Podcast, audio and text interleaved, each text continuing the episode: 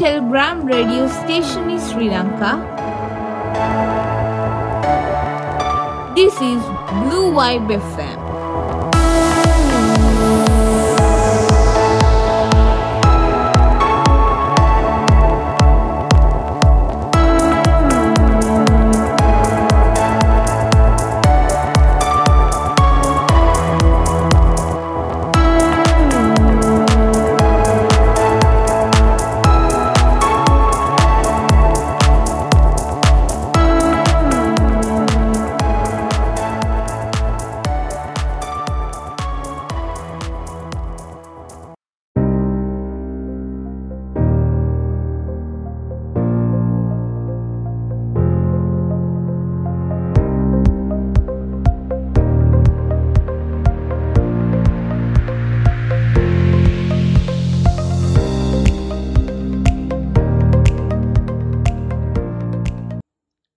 සුබ සන්ධ්‍යාවක් ඔබ සියලු දෙනාටම. Blue Wife FM travel with රවියන් මහි වැඩසටහනේ සතියෙන් සති අපි ඉතිං විවිධ ප්‍රදේශ සංචාරය කරන්න යනවනේ. ගිය සතියේ අපි පූජනී අටමස්ථාන නරබන්න ගියා. ඉතින් මේ සතියේ අපි සූදානම් වෙලා ඉන්නවා මඩ කලපුයේ ඔයගොල්ලම්ව එක්කයි යන්න.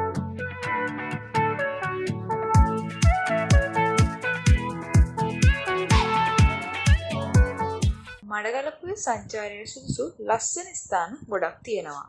ඒ අතරින් ස්ථාන කිහිපයකට තමයි අපි යන්න මේ සූදානම.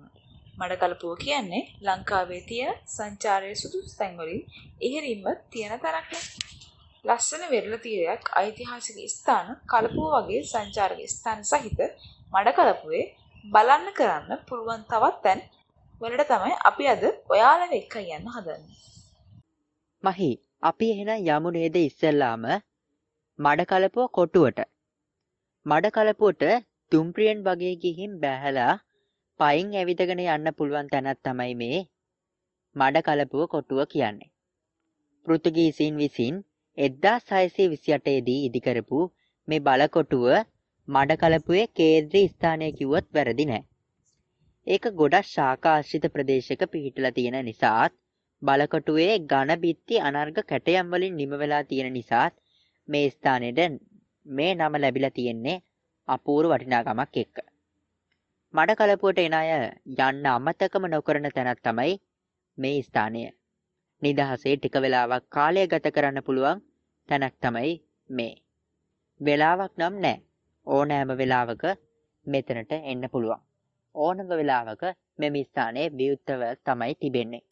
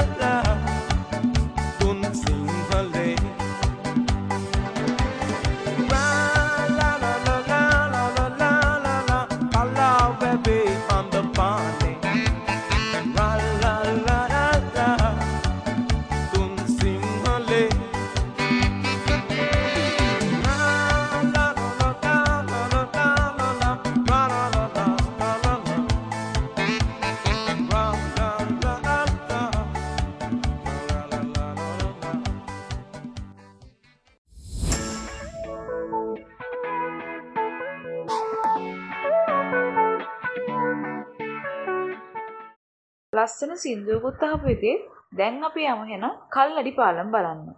මඩකලපුර යන කවුරුත් අමතක නොකර යන තැනක් තමයි කල්ලඩි පාලම කියන්නේ. සින්දු කියන මාළුව බලන්න තමයි මෙහි ගොඩක් කට්ටිය යන්නේ. මේ පාලම දෙපැත්තට ගියාම කලපුවේ ඉන්න මාළුන් ලස්සන ලස්සන ශබ්ද නිකුත් කරනවා. අප්‍රේල් ඉඳලා සැප්තැම්බර් අතර කාලේ තමයි සින්දු කියන මාළුවෝ ඉන්නවා කියලා ගොඩක්ම ජනප්‍රිය වෙලා තියෙන්නේ. වතුර ඇතුලෙන් මාළු ඇවිත් නිකුත් කරන ඒ ශබ්ද අපට ඇහෙන්නේ හරියට එයාලා සින්දු කියනවා වගේ. ඒ වගේම ලස්සන ජෙලිෆිෂ්ලා වගේ තවත් මාළු විශේෂ ගොඩක් කල්ලඩි පාලමුරට ගියාම අපිට බලා ගන්න පුළුවන්. මීළඟට යමු මහත්මා ගාන්ධී උද්‍යානය හෙවත් මඩකලපු ධාරය බලන්න. මඩකලපු නගරයේ කලප්පුවට මුහුණලා ඉදි කරලා තියෙන මේ උද්‍යානය මහත්මා ගාන්ධිතුමන්ට උපහාරයක් පිණිස එතුමාගේ විශාල රන් ආලේපිත පිළිමයක් එක්ක තමයි හදලා තියෙන්නේ. මඩකලපු ద్వාරය පීටල තියෙන්නේ මේ උද්‍යාන ඇතුළෙම. කලපුව බලනත් එක්ක නිදහසේ ඇවිදින ගමන් මේ උද්‍යානය ඇතුළටත් ගිහින් ටිකක් ඉඳලා එන්න පුළුවන්. සතියේ සෑම දවසකම උදැසන අටේ ඉඳලා රෑ දහය වෙනකල් මේ උද්‍යානය විවුත්තව තියෙනවා.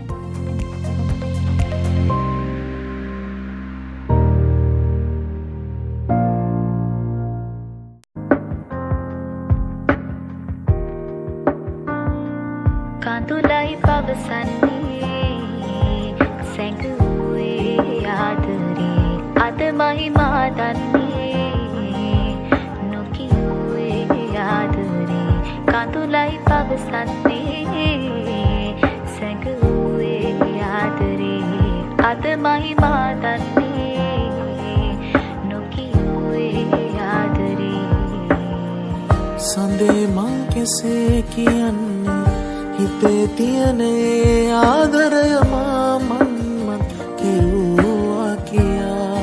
ඔබ දුටුදා නැතේ වේදනා නිවෙන්නේ ඔබේරු නිසා.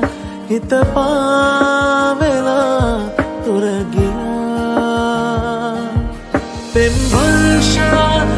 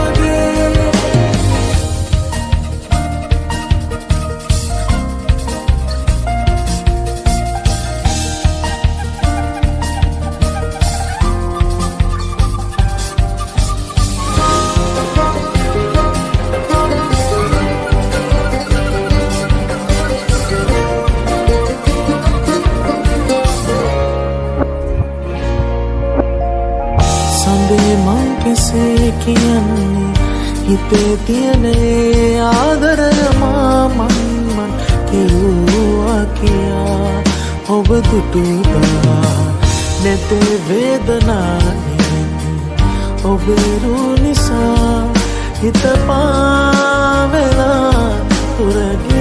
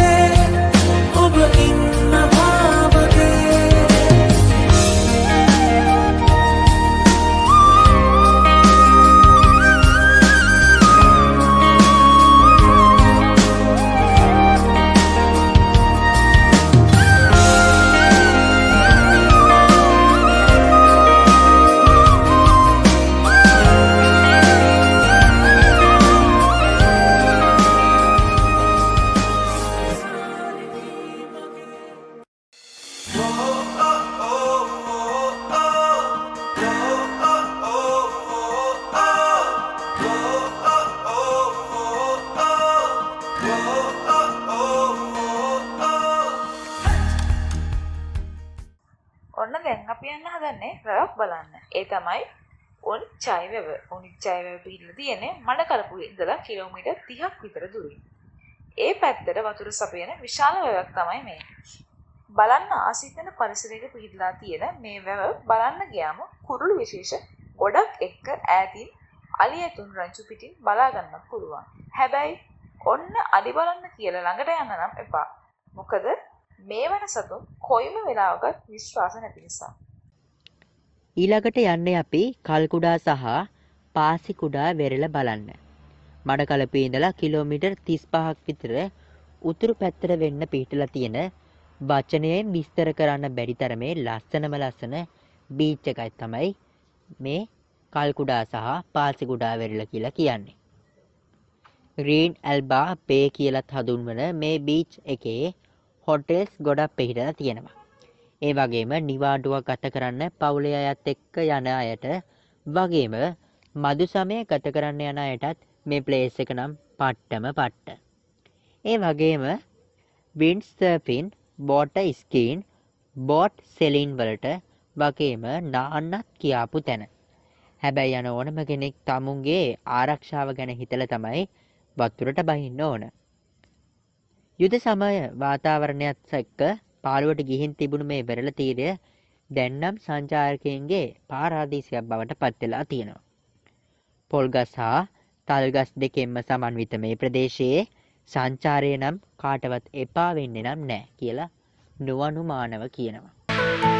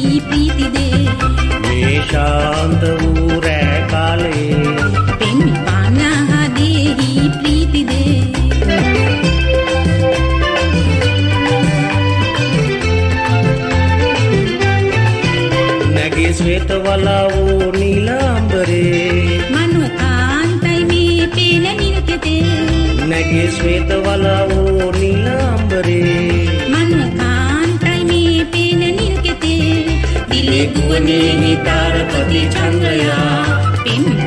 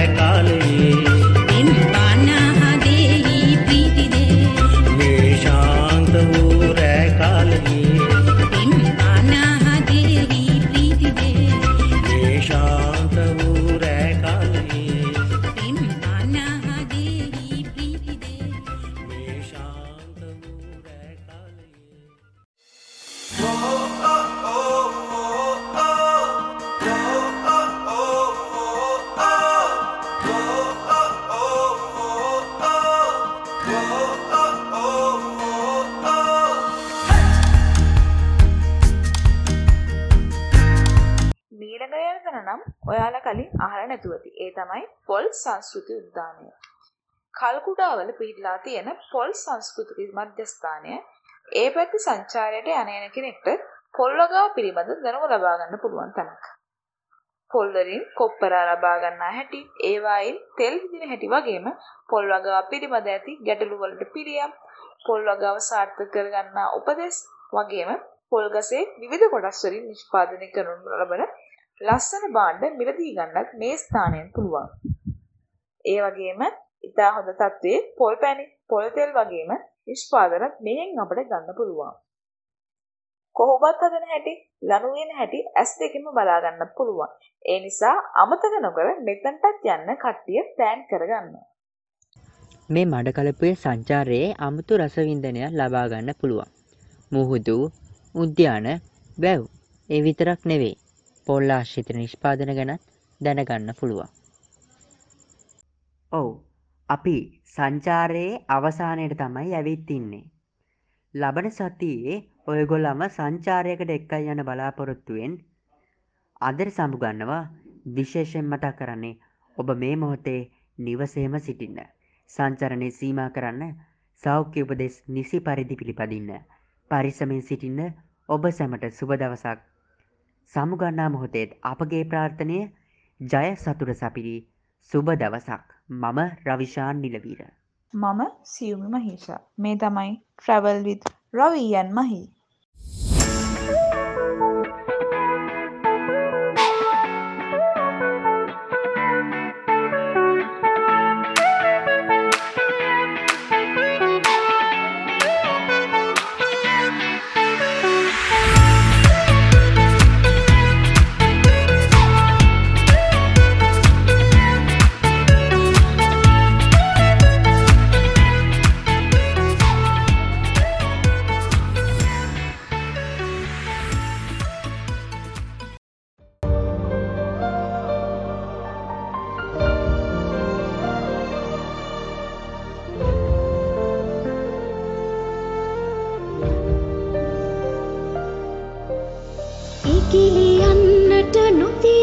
නොදී තද කර ඔය හිත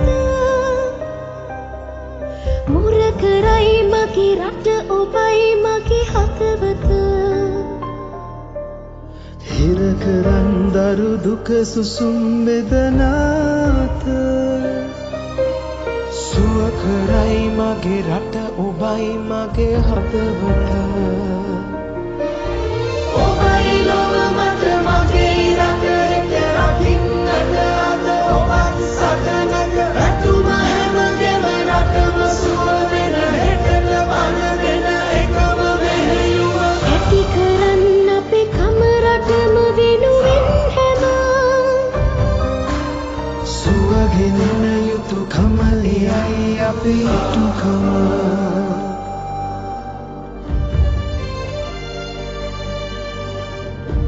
contribute to the Itukama National Fund for Healthcare and Social Security. Let's do our duty towards Sri Lanka. To donate online, visit itukama.lk.